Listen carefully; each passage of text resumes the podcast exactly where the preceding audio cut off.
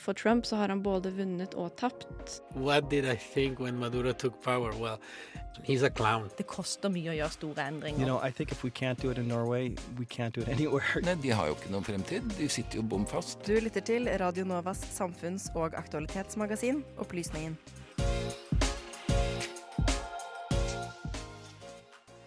Det er nå et år siden Abiy Ahmed vant fredsprisen. Hvordan har det gått i Etiopia siden?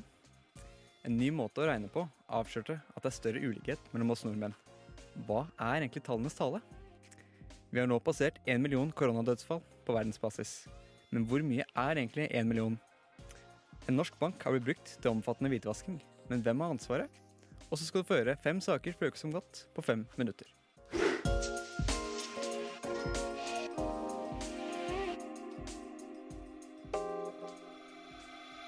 Velkommen skal du være til denne ukens sending med Opplysningen 99,3. Tilbake sterkere enn noensinne, vil enkelte si. I den anledning har vi snekra sammen et hardtslående program for din fornøyelse den neste timen. Jeg heter Sebastian Hagel, og med meg i studio har jeg Sunny Sharma. God kveld til deg. God kveld. Og jeg sier fremdeles god kveld, selv om det er morgen der du er, kjære lytter. Fordi vi fremdeles tar opp kvelden i forveien grunnet koronarestriksjoner. Derfor tar vi forbehold med at eh, alt vi sier i denne sendingen er korrekt per i dag, torsdag kveld eh, klokka 19.30. Men eh, nok om det, Sunny. Hva er det du har jobba med denne uka? Nei, På søndag passerte vi én million koronadødsfall, og jeg har lurt litt på hvor mye er egentlig én million? Og hvor mye er én million dødsfall i forhold til spanskesyken, f.eks.? Ja, og dette skal vi da komme tilbake til eh, senere i sendinga, hvor du også skal få høre om International Consortium of Investigative Journalists sin ferske avsløring om hvitvasking av penger. Men før den tid skal vi få høre på Love Trulls med låta Torn Up.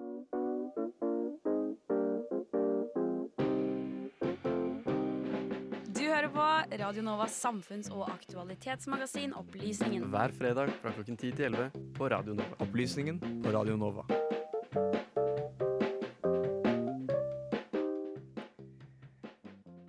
For omtrent et år siden nå ble det annonsert at det var Abiy Ahmed, Etiopias statsminister, som skulle bli tildelt Nobels fredspris for 2019. Da var det hans innsats i å skape fred i Øst-Afrika, bl.a. gjennom en eh, fredsavtale med Eritrea, som ble belønnet. Prisen ble da også tildelt i det håp om at det gode arbeidet skulle fortsette. Men hvordan har det egentlig gått i Etiopia? Abiy Ahmed, hva skjedde? I disse dager er det nesten nøyaktig ett år siden Nobelkomiteens leder, Berit Reiss-Andersen, annonserte at Etiopias statsminister Abiy Ahmed skulle tildeles den mest prestisjefylte av prisene opprettet i Alfred Nobels navn, den symboltunge fredsprisen. Nobel tjente sin enorme formue som den dag i dag finansierer prisene gjennom sin oppfinnelse av dynamitt, og som dynamitt fungerer også utdelingen av fredsprisen på media og det politiske bildet. I fjor høst var det knyttet stor optimisme og håp til utviklingen i Afrikas nest mest folkerike land. Men, som så ofte skjer i kompliserte og betente konflikter, smellet kommer. Ett år etter fredsprisutdelingen er håpet og optimismen for mange byttet ut med sinne og frykt for Etiopias fremtid. Og kritikerne kritiserer Nobelkomiteen for å ha sprengt kruttet sitt for tidlig. Den 29. mars 2019 styrtet på tragisk vis et av Etiopian Airlines nye prestisjefly, Boeing 737 Max 8, bare seks minutter etter takeoff. Som Afrikas største er det statlig eide flyselskapet et prestisje- og stolthetsprosjekt for den etiopiske regjeringen. Nå er mange redde for at statsminister Abiy Ahmeds personlige prestisjeprosjekt, demokratiseringen og unifiseringen av Etiopias enorme antall folkegrupper, skal lede landet til en skjebne liknende den flyet led i fjor vår. Først må vi ta et tilbakeblikk til Oslo rådhus og utdelingen i fjor høst. Hvorfor fikk Abiy Ahmed Nobelkomiteens påskjønnelse samtidig som han vant verdens kunst? For å forstå hva han gjorde for å få prisen, må vi først ta en titt på staten Etiopia, som er en komplisert smeltedigel av folk, språk og kulturer. I dagens Etiopia bor det så mange som over 90 folkegrupper, de fleste av dem med egne språk og særegne kulturer. Hele sju av disse folkegruppene omfatter mer enn en million mennesker. De største folkegruppene er respektivt oromoene og amharene, mens den relativt lille gruppen tigray har spilt en viktig rolle politisk. Til tross for at de er den største gruppen, har oromoene tradisjonelt vært neglisjert i stell og styre av Etiopia. Dette har ført til stor misnøye i regionen Oromia, der oromoene har stort flertall, og det har ført til flere væpnede opprørsgrupper som ønsker selvstendighet for området. I tillegg til alle disse folkegruppene var også Eritrea tidligere en del av Etiopia, og grensen mellom de to landene har i flere tiår vært omstridt. Situasjonen har vært omtalt som en no war, no peace-tilstand, og har vært en destabiliserende faktor for hele Afrikas Horn. Da Ahmed tiltrådte som statsminister i april 2018, var det med bakgrunn i Oromo-fløyen i det diktatoriske regimet som besto av koalisjonen mellom fire etnisk delte politiske partier, EPRDF, Det etiopiske folks revolusjonære demokratiske front. Koalisjonen styrte Etiopia fra det tidligere marxistiske styret kollapset i 1991 til Ahmeds innsettelse. Selv om det var en koalisjon, var den i all hovedsak styrt av Tigrayan People's Liberation Front, partiet som representerer den nevnte Tigray-gruppen. Til tross for at grunnloven slo fast at Etiopia var en føderasjon med stor selvstyrerett for regionene, var styret under EPRDF preget av en sterk sentralmakt, med utstrakt bruk av regjeringens sikkerhetsstyrker. Før vi går videre, må vi kanskje ta en pust i bakken. Som du kanskje har skjønt nå, etnisitet er en major player i Etiopias maktspill og en stor grunn til de interne konfliktene i landet. Vi kan nå spole tilbake til Oslo rådhus og fredsprisutdelingen. Dette var ett og et halvt år etter Ahmeds maktovertagelse, og The Winds of Change blåste over Afrikas Horn, og det etiopiske flyet fløy høyt. I sine første 100 dager med makten hadde statsministeren initiert en rekke reformer for å demokratisere Etiopia. Blant tingene som ble gjort, var å gi amnesti til tusentalls politiske fanger, og etiopere i eksil ble ønsket velkomne hjem igjen. Pressesensuren ble opphevet, og tidligere ulovlige opposisjonsgrupper ble legaliserte. Et av Ahmeds største og mest populære prosjekter hos det etiopiske folket var hans uttalte krig mot korrupsjon og inkludering av tidligere utelatte grupper i statsapparatet. Han avsatte korrupsjonsmistenkte militære og sivile ledere, samtidig som han åpnet opp for kvinners deltakelse og innflytelse i politikken. Sist, men ikke minst, han lovet å holde frie, rettferdige valg, og det første ble planlagt sommeren 2020. Det var for dette arbeidet han ble hyllet verden over i oktober 2019. Og spesielt det at han betingelsesløst godtok løsningen på grensekonflikten med Eritrea, som hadde blitt lagt fram av Den internasjonale grensekomiteen allerede i 2002. Dette ble trukket fram som et revolusjonerende framskritt for hele det østlige Afrika. Ja, det forrige tiåret avsluttet tilsynelatende lyst for Etiopia. Men det er ikke til å overse at det var faresignaler allerede da. Ahmed ble kritisert for økende spenninger innad i landet. Nobelkomiteen framhevet at det fortsatt var mye å gjøre i Etiopia, men at de håpet prisen kunne fungere som en slags motivasjon for videre godt arbeid. Lederen av komiteen, Berit Reiss-Andersen, håpet nok at utdelingen av prisen skulle gi Etiopia et dytt i riktig retning, og, hvis vi nå følger flymetaforen, lande trygt i en fredelig og ny demokratisk epoke. Så hva har skjedd det siste året? Mye, er det korte svaret. De etniske skillelinjene som alltid har preget Etiopia, har blusset opp for fullt. Spesielt etter drapet på den populære oromo-artisten og aktivisten Hashalu Hundesas. Drapet har ført til omfattende opptøyer i Oromia, og minst 180 er drept av brannpåsettinger, mobber og voldelige sikkerhetsstyrker. Ahmed og regjeringen har svart på opptøyene med å fengsle opposisjonelle. Ifølge Al-Jazeera så mange som 9000. Spesielt har pågripelsen av opposisjonspolitiker og universitetsprofessor Dejene Tafa i hans egen seng skapt sinne. Kona hans sier at han holdes fengslet uten rettergang, og, som om ikke det skulle være nok, har blitt koronasyk. Vi trodde vi hadde gått over til et demokratisk system, sier hun opprørt til Al-Jazeera. Det som i begynnelsen var et håp hos det etiopiske folket om en endring bort fra en stat basert på etniske motsetninger, til en velfungerende og inkluderende stat, ble fort til sinne og frykt da statsminister Abiy Ahmed kort etter fredsprisutdelingen ga ut boken der han legger fram sin ideologiske visjon for Etiopia. Boka, kalt Medemer, omtaler hvordan han ønsker å bygge en panetiopisk nasjonalitet og samle landet under én ideologi.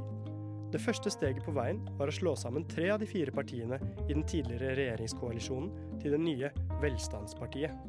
Det er spesielt omoroene som motsetter seg denne ideologien om en panetiopisk kultur, og norsketioper og doktorgradsstipendiat ved NMBU, Teshome Hondoma, skriver en kronikk i Aftenposten at Ahmeds ideologi i realiteten er en retur til tidligere regimer og undertrykkelse av omoroene.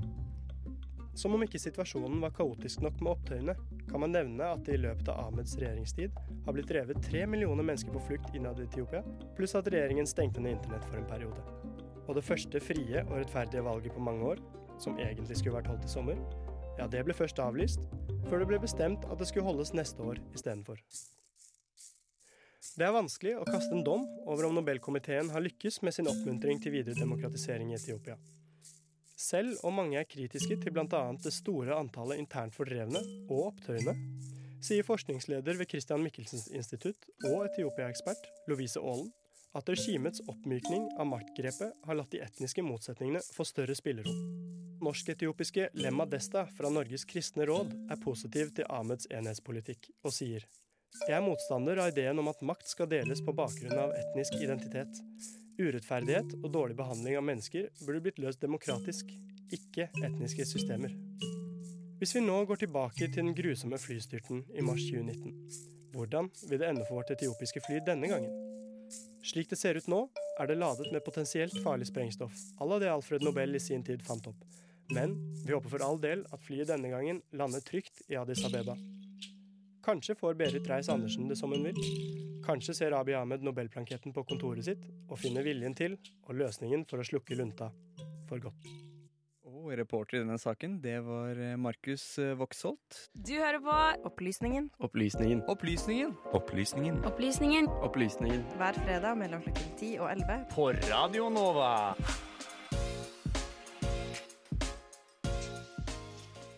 Her i Norge har vi lenge vært stolte over å være et samfunn med lav ulikhet, men det er kanskje i ferd med å endre seg, Sønni? Ja, for SSB kom i forrige uke med en ny måte å beregne velstand og dermed økonomisk ulikhet på. Og dette kan virkelig rokke med etablert statistikk. Det er typisk norsk å være god, sa Gro Harlem Brundtland i nyttårstalen sin fra 92. Siden har vi nordmenn vært opptatt av å fortelle dem rundt oss hvordan vi er best på ski, best på olje, best på laks og ikke minst best på velferdsstat. De fleste av oss tenker nok på Norge som et land der ulikhetene mellom fattig og rik er små. Vi grøsser av nyheter fra USA som forteller oss om hvor lite de rikeste betaler i skatt. Vi puster letta ut og tenker jeg er så heldig som bor i et land med så små forskjeller. Men er ulikhetene i hva vi nordmenn tjener, virkelig så små som vi liker å tro? Hvis vi ser på internasjonal statistikk, som f.eks. OECDs måling av Gini-koeffisienten fra 2017, troner Norge på toppen som et av landene med lavest inntektsforskjeller, i lag med land som Sverige og Belgia. Land vi finner på bunnen, er bl.a. USA, Mexico og Chile. Igjen er det typisk norsk å være god. Likevel slo denne illusjonen sprekka forrige torsdag, da Statistisk sentralbyrå lanserte en ny rapport om inntektsulikhetene i Norge. Rapporten viser at forskjellene i nordmenns inntekt er mye større enn det tidligere statistikk har vist. Ifølge rapporten disponerer den rikeste 1% av nordmenn 20% av de samla inntektene som tjenes i Norge. Dette er dobbelt så mye som tidligere antatt. Forskerne konkluderer dermed med at inntektsulikhetene i Norge er mye større enn det vi trodde. Du lurer kanskje på hvordan dette er mulig? Forklaringa ligger i hva vi regner på som inntekt. I tidligere statistikk er de her tallene henta fra skattemeldingene våre. Altså det dokumentet fra skatteetaten som forteller hva hver enkelt innbygger tjener. Forskerne ved SSB mener derimot at dette her ikke er nok informasjon. Grunnen til det er fordi de mener at skattemeldingene ikke fanger opp all inntekt en person kan ha. Det betyr at selv om en kapitaleier tar ut et fast utbytte, kan den enkelte ha verdier som er investert i f.eks. eiendom eller andre aksjer. Dette er helt lovlig og vil ikke bli rapportert som inntekt i skattemeldinga, og vil dermed ikke skattlegges. SSB-forskerne mener likevel at her verdiene òg bør tas med i regnestykket. Men hvordan kan kapital som ikke blir tatt ut av eieren, regnes som denne eierens inntekt?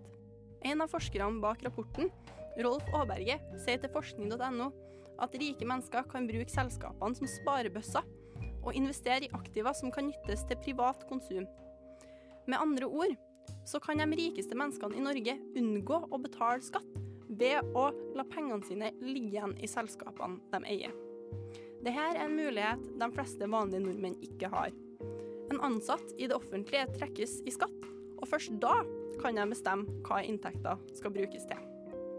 De rikeste i samfunnet kan derimot tilpasse seg regelverket i mye større grad, f.eks. ved å holde tilbake kapital eller investere den andre steder, og da med mål om å betale minst mulig skatt. Og skal vi tro rapporten, så er det noe de aller rikeste i Norge er gode på. Ved å tilpasse hvor mye som tas ut i utbytte, noe det er mange muligheter for innenfor regelverket, ender den rikeste 1% av befolkningen opp med å kun betale mellom 10 og 20% skatt på det de virkelig tjener. Det er dermed de aller rikeste i Norge som betaler aller minst skatt. Du tenker kanskje at dette skyldes høyreregjeringas politikk? Det viser seg faktisk at skillene mellom styringspartiene på høyre- og venstresida er små når det gjelder inntektsskatt. I 2019 regna Finansdepartementet på hvor stor forskjell det var på regjeringas skattepolitikk og på Arbeiderpartiets. Hva skjer da med inntektsulikheter? Svaret var at det var nesten ingen forskjell mellom partiene. Altså er dette en problemstilling som verken høyre- eller venstresida har vært særlig opptatt av. Utviklinga av forskjeller i inntekt er en utfordring for den norske modellen. En av forskerne bak SSB-rapporten forteller i et intervju at om idealet er å betale skatt etter evne, fungerer det her for 99% av befolkninga. Den rikeste 1 slipper unna. Det er kanskje litt for tidlig å spå kollaps for Norge som velferdsstat. Men det vi kan dra ut av denne rapporten, er altså at forskjellene mellom rike og fattige nordmenn er større enn det vi har trodd tidligere. Samtidig viser den at det er store muligheter innenfor det norske regelverket til å finne akrobatiske løsninger på hvordan man kan betale lavere inntektsskatt. Betyr det her at det vi egentlig er gode på, ikke er små forskjeller, men å snike oss unna skatt? Igjen er det typisk norsk å være god, men kanskje ikke på de områdene vi i utgangspunktet trodde, om vi ser på SSBs ulikhetsrapport. Og reporter i denne saken, det var Marie Kirkedam.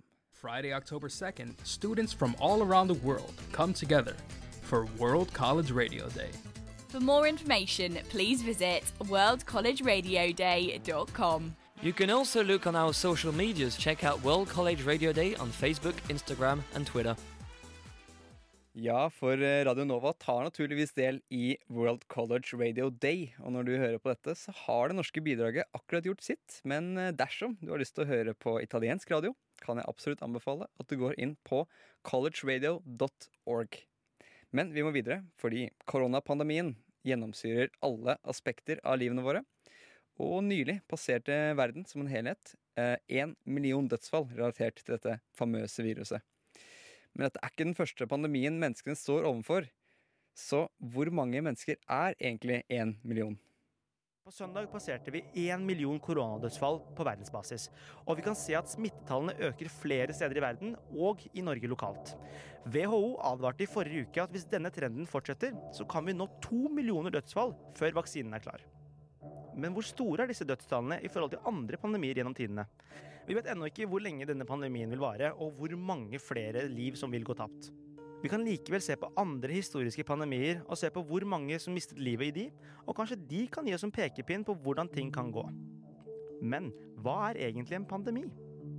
En pandemi defineres som en sykdom som rammer svært mange mennesker og brer seg utover et stort geografisk område. WHO benyttet begrepet pandemi som en verdensomspennende spredning av en ny sykdom.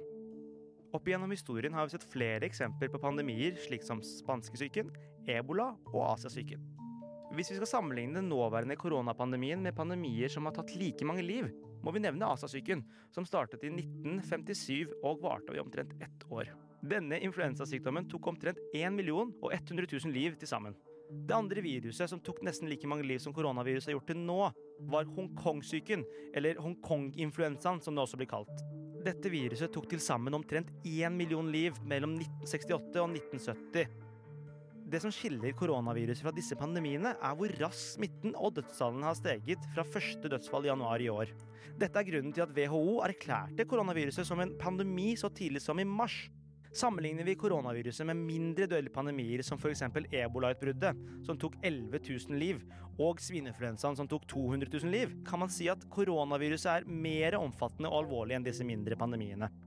Men det som skiller koronaen fra ebola, var at hvis du var så uheldig og fikk ebola, så hadde du kun en 50 sjanse for å overleve. Et annet virus som var svært dødelig, var spanskesyken, som herjet over store deler av verden i perioden 1918 til 1919, og tok mellom 40 og 50 millioner liv, før den tok slutt ettersom at eh, de som hadde blitt smittet, enten døde eller utviklet immunitet. Spanskesyken smittet 500 millioner mennesker. Sammenligner vi dette med antallet koronasmittede, som er på 33,7 millioner smittede, så kan man si at spanskesyken var mye verre enn koronapandemien. Men spørsmålet er kommer koronapandemien til å bli like ille? Vel, det må vi vente og se på. Vi vet ennå ikke hvordan dette vil ende, men om det blir en ny spanskesyken, er usannsynlig.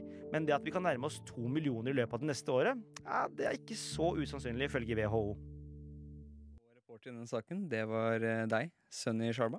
Og så bruker han jo da også i forlengelsen av det dette ordet terrorist. ikke sant? På sett og vis er jo det USAs store gave til verdens uh, autoritære Finne et litt mer, litt mer, nyansert språk der. De arabiske statene prøver å føre en sånn politikk hvor de kan støtte palestinerne i retorikk, men i praksis holde seg egentlig unna konflikten. Radio Novas samfunns- og aktualitetsmagasin Opplysningen gir deg historiene, sakene og debattene andre overser. Aldri redd, alltid balansert.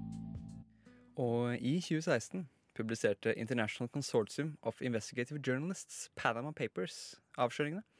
Da det kom frem at verdens rikinger hadde gjemt pengene sine plasser i såkalte hadde pengene sine plassert i såkalte skatteparadiser. Ja, og nå i 2020 har den samme journalistgruppen kommet med ny avsløring. Denne gangen handler det om banker, hvitvasking og mye penger. Du husker kanskje karakteren Gustavo Fring fra den prisbelønte serien Breaking Bad. I tillegg til å drive med metamfetamin drev han også fastfood-kjeden Los Boyos Hermanos. Den fiktive fastfood-kjeden var på mange måter et skalkeskjul for å best mulig hvitvaske narkopengene. Men hvitvasking er ikke bare et fenomen i TV-serier. Det skjer i virkeligheten og i stor skala. 20.9 publiserte ICIJ, International Consortium of Investigative Journalists, en rekke hemmeligholdte dokumenter som viser omfattende hvitvasking, hjulpet av noen av verdens største banker, rett under nesen på. Dokumentene viser et stort antall mistenkelige transaksjoner, og dekker et omfang på over 200 000 transaksjoner til en verdi av over 2 billioner amerikanske dollar. Omtrent det dobbelte av det norske oljefondet. Men hvordan fikk ICIJ tilgang til disse tallene, og hvor kommer de egentlig fra? De hemmelighetstemplede dokumentene kommer fra den enheten som jobber med økonomisk kriminalitet i USA. Enheten som går under navnet Financial Crimes Enforcement Network, eller FINCEN, tilsvarer norske Økokrim.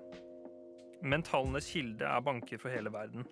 Når en mistenkelig transaksjon finner sted, flagger bankene disse og kategoriserer dem som SAR, Suspicious Activity Reports, som så innrapporteres til myndighetene.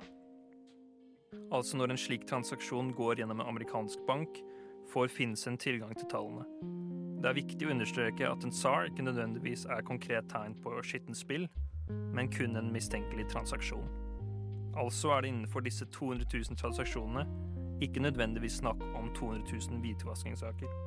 Deutsche Bank, HSBC og JP Morgan Chase er noen av utenlandske bankene som kommer fram i disse dokumentene. Men spesielt én norsk bank blir også trukket fram. Ifølge amerikanske myndigheter har mer enn 1 milliard norske kroner blitt sluset gjennom diverse kontoer tilknyttet Norges største bank, DNB. Problemet er bare det at bankene selv kan si svært lite om saken. Ifølge hvitvaskingsloven kan ikke bankene uttale seg om sakene, i stor grad knyttet til etterforskningen. Dette handler om at dersom en transaksjon kan knyttes til hvitvasking, skal ikke de mistenkte få muligheten til å f.eks. fjerne alle spor. Dette er en veldig kompleks og stor sak, og det er vanskelig å komme innom alle momentene i en kort radiosak. Men det store spørsmålet som blir stående igjen er hvem har ansvaret, og hvorfor dukker slike saker opp med et jevnt mellomrom? Noe av den sentrale utfordringen her er at bankene som flagger og innrapporterer mistenkelig økonomisk aktivitet, videresender sakene til myndighetene. Dermed blir det deres ansvar å følge opp saken. Dessverre har myndighetene ofte ikke ressurser til å følge opp saken, eller så henlegges den grunnet manglende bevis. Men dette betyr ikke nødvendigvis at man kan skylde på myndighetene hver gang. Selv om bankene har begrensede muligheter til å rapportere saker i pressen og til å stenge kontoer eller nekte transaksjoner, er det enda et viktig moment som spiller inn penger. En av bankene som blir fremhevet i rapporten til ICIJ, er Danske Bank og deres filialer i Baltikum. Banken var involvert i en rekke større hendelser gjennom sitt kontor i Estland, hvor penger fra bl.a. russiske kunder og høytstående personer knyttet til Vladimir Putin har benyttet seg av hvitvasking for å omgå sanksjonene som mange vestlige land introduserte i kjølvannet av Krim-annekteringen. Nettstedet Bloomberg trekker i en artikkel fram hvordan banken aktivt gikk ut for å tekke til seg russiske kunder, ved at kunder kunne veksle inn bankinnskudd til gullbarer og mynter for å garanteres deres anonymitet. Altså fortsetter runddansen. Myndighetene skylder på bankene, og bankene skylder på myndighetene. Men svaret på skyldspørsmålene lander nok et sted midt imellom.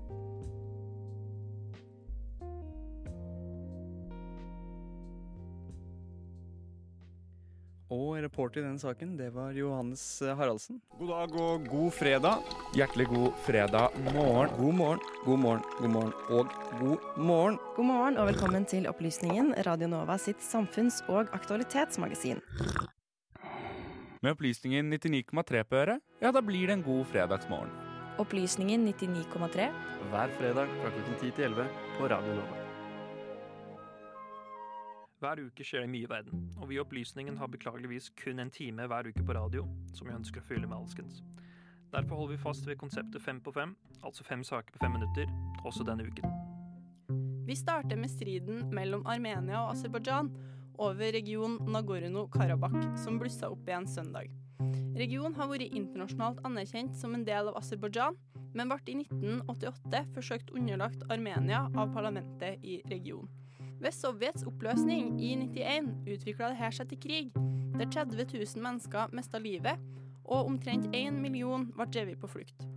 Regionen har siden vært kontrollert av armenske separatister, og militære spenninger har dukka opp med jevne mellomrom.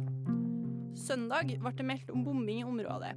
Armenske myndigheter hevder Aserbajdsjan står bak, noe regjeringa i Aserbajdsjan avviser. De hevder i stedet at separatistene angrep først. Sammenstøtet er dermed det kraftigste siden 2016, og det internasjonale samfunnet ventes nå å involveres i saken. Fra militærstrid til skattestrid, da det tidligere denne uken ble kjent at sittende president Donald Trump har betalt så lite som 750 dollar i føderal inntektsskatt for skatteåret 2016 og 2017. Det viser en omfattende rapport som New York Times har fått tak i. Videre kan man lese at Trump har benyttet seg av flere smutthull i lovgivningen, bl.a. ved at han har tatt opp enorme lånebeløp som fratrekkes ordinær beskatning via fradrag. Videre kan man lese at Trump har benyttet seg av flere smutthull i lovgivningen, bl.a. ved at han har tatt opp enorme lånebeløp som fratrekkes ordinær beskatning via fradrag. Rapporten viser også at Trump har innrapportert store tap for å senke skattesatsene. Det store spørsmålet blir i hvilken grad dette vil påvirke velgere drøye fire uker før valget, og hvorvidt Trump har brutt gjeldende lover eller ikke. Fra konservativ president til et progressivt lederskifte.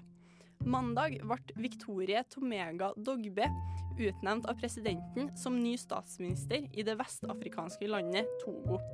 Hun tar over etter at Komi Selom Klasso gikk av forrige fredag, og blir med dette landets første kvinnelige statsminister. Dogbe er en nær alliert av den avgåtte statsministeren og har vært stabssjefen hans siden 2009.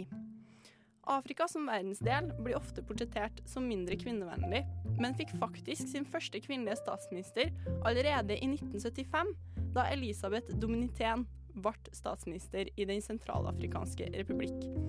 Siden har verdensdelen sett ni kvinnelige presidenter og flere regjeringsledere.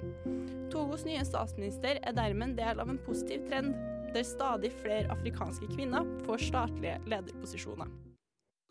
Fra en fornøyd kvinne til en misfornøyd mann. En amerikansk mann i Thailand har havnet i hardt vær grunnet negativ omtale av et strandhotell i landet. Wesley Barnes, som han heter, skrev flere kritiske anmeldelser på ulike nettforum som en respons på hva han mente var slett behandling av ham som gjest. Ifølge engelske The Guardian startet problemene da Barnes i selskap med en kamerat tok med seg medbrakt alkohol inn på området, for deretter å motsette seg og betale en avgift for dette. Dette resulterte i at Barnes følte seg truet av hotellsjefen og la inn flere svært dårlige anmeldelser av stedet, Hotellet på sin side anmeldte forholdet til politiet, og Barnes endte opp på glattcelle i to døgn. Saken skal opp i retten 5. oktober, og den tidligere hotellgjesten kan ende opp med to år i fengsel. Dette er ikke uvanlig i Thailand, da myndighetene slår hardt ned på negativ omtale fra utenforstående. Vi krysser grensa over til Kambodsja, der helter kommer i alle størrelser, noe rotta Magawa er et bevis på. Den afrikanske pungrotta leter etter landminer i landet, og ble forrige fredag tildelt en medalje for innsatsen sin av den britiske organisasjonen PDSA, People's Dispensary for Sick Animals. Rotta har blitt trent opp av den belgiske veldedighetsorganisasjonen Apopo, og har til nå snust opp 39 landminer og 28 ulike eksplosiver.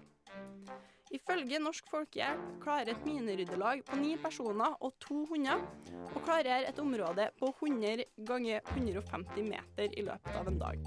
Mens en person med en metalldetektor bruker rundt fire dager på et område på størrelse med en tennisbane. Rotta Magava bruker derimot 30 minutter på det samme området, og er dermed i verdensklasse når det kommer til minerydding.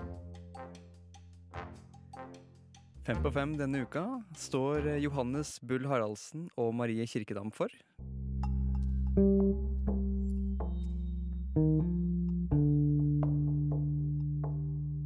And this is insane. I've never seen this in any other country. Never in my life. People eating from the trash, fighting about it. Eh, Når så mange er ensomme, så ligger jo på en måte ikke dette på, på individleger. Det ligger på systemet. Vi er i ferd med å ødelegge evnen vår permanent kognitivt i hjernen til å konsentrere oss over lengre tid. Radio Novas samfunns- og aktualitetsmagasin gir deg historiene, sakene og debattene andre overser. Aldri redd, alltid balansert. Opplysningen 99,3. Ja, da har vi dessverre nådd eh, veis ende, kjære lytter. Men eh, jeg kan opplyse om at eh, du kan fortsatt eh, få med deg opplysningen innhold dersom du går inn på våre sosiale medier-sider. Vi er både på Facebook, vi er på Instagram, og vi er ellers der du har lyst til å konsumere sosiale medier-innhold. I tillegg kan du høre på denne sendinga her i repeat og repeat så lenge du vil på våre podkastprofiler, både på Soundcloud og Spotify og ellers, eller på radionova.no for så vidt. Etter oss kommer Studentnyhetene, Sønni, og du har fått med deg hva de skal eh, prate om? Ja, etter oss skal Studentnyhetene snakke om studentparlamentet og hva de gjør for å øke valgoppslutningen. Og de skal snakke med aksjonærene bak hashtag 'reduser husleia'. Og så er det ikke til å stikke under en stol at eh, denne sendingen er produsert på torsdag kveld, ikke fredag morgen, slik eh, du vanligvis tror det. Medvirkende til dagens sending har vært Marie Kirkedam, Benjamin Nordtømme, Johannes Bull Haraldsen, Markus eh, Sunni Sharma, Trym Fjellheim Karlsen og Sander Sakaria Tekniker, det har vært deg, Sander Sakaria Og i studio har jeg hatt deg, Sunny Sharma. Og mitt navn det har vært Sebastian Hagel. Nå gjenstår det bare å si god helg. God helg.